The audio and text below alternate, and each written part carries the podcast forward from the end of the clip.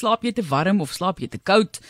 Nou seker bietjie te koud en dan in die middel van die nag het jy self so toegegooi. Dan kry jy weer warm. Blykbaar is wol 'n oplossing en Aubrey Williams gesels met ons juis oor die toepas van wol in 'n duvet byvoorbeeld en hoe ons slaap hy is daarvan Karoo Creations po wool duvets en ons praat bietjie meer oor die tegnologie eintlik daarvan om reg te kan slaap. Ek lees ook onlangs hulle praat van sogenaamde weighted blankets as jy dit wil gaan google wat baie goed is vir jou om te slaap en jou beter laat slaap. Maar Aubrey baie welkom aan jou hier op 360 Baie dankie Matlies. Hoe het jy geslaap vannag? Sekerlik goed.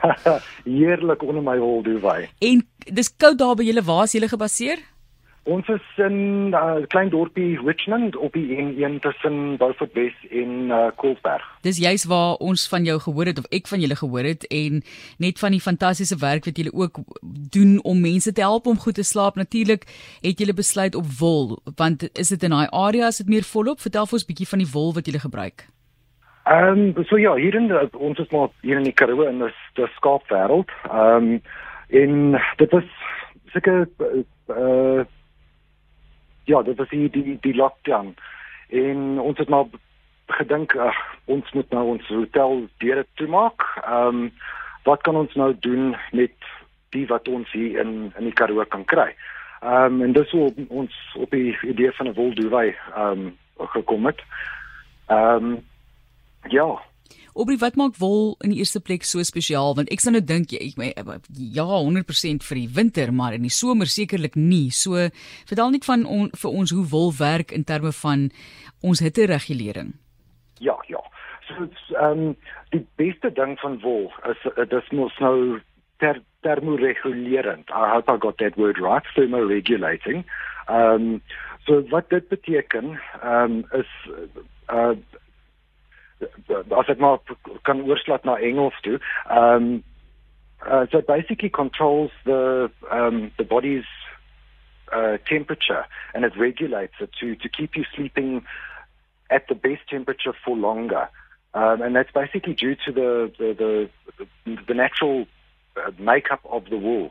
Um, whereas with a down duvet or a plastic duvet, the, the polyester ones that you can get, they insulate a person's body. So if you're sleeping underneath it, it's like a Dutch oven effect.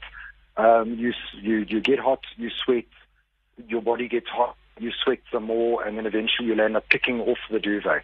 Whereas with wool, it, it actually absorbs the, the first amount of sweat that comes off of your body, um, and and it, it allows it to absorb through the fibers and then out into the uh, into the environment. Um, so it, it's and, and because we've got the three different weights of the duvets, we've got the uh, lightweight, medium weight, and winter weight. Um, our menopausal clients, they are absolutely crazy about the duvets. Um, they say, because uh, we, we call it a power surge, they, they, um, uh, the, the, the overheating that the ladies go through. Yeah. And I see this, this amazing fit that um, they, they sweat less, they, um, they that they sort of stay at, at a reasonable temperature when they get those power surges. Ja, dit is 'n groot probleem eintlik vir mense en op die ou end slaap jy nie goed in die nag nie. So dit is die fokus. Vertel vir ons hoe julle die wol ook verwerk. So dit is daar van die Karoo en ons is dankbaar vir die skapies wat daai wol vir ons bied. So en dan ontvang julle dit. Hoe verwerk julle dit dat dit ook higienies is wanneer jy natuurlik nou hierdie duvet gebruik? Ja, ja ons ons koop die wol ehm um, van die van die afslaers in uh in die baai. Ehm um, so dit is al klaar uh, gewas en uh gekardeer. Ehm um, daar is geen wolwasserye hier in Suid-Afrika nie. Ehm um, uh so, daar is nee daar is een. Uh maar uh, op hulle vra maar R55 per kilogram om, om dit te was. So ons ons koop maar van van die afslaers in in die baai en uh, maar ons is uh, ons is van plan om om ons eie wolwassery te begin. Ehm um, sodat ons direk van van die boere hier in die omgewing kan koop. Fantasties, die verwerking ook daarvan, ondersteuning op so 'n ja. manier ook vir die gemeenskappe. Ons weet daar is baie werk wat gedoen moet word op die platteland in terme van werkskepping of hernuwing van wat op die platteland in gang is. Die klein dorpies, dis dis 'n krisis. Ek praat oor die naweek met iemand wat juis gesê het hulle het van die Kaapkaas uit intoe gery en was so hartseer om te sien plekke waar hulle groot geword het hoe sleg dit nou op sekere plekke al lyk. So die feit dat julle kom, julle is entrepreneurs, julle besluit julle gaan daarso in 'n historiese huisie en dit is nou van die 1840s in daardie ja. oorspronklike Driefontein plaashuis waar julle gebaseer is, gaan julle 'n besigheid begin en 'n kans neem en hopelik op so 'n manier werk skep. Vertel vir ons watter rol jy dink dit speel op 'n klein dorpie soos Richmond.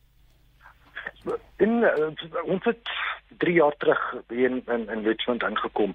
Um and and obviously with the hotel because we were we we actually based in the old hotel. Um and we ran the hotel for a year at, and obviously COVID hit.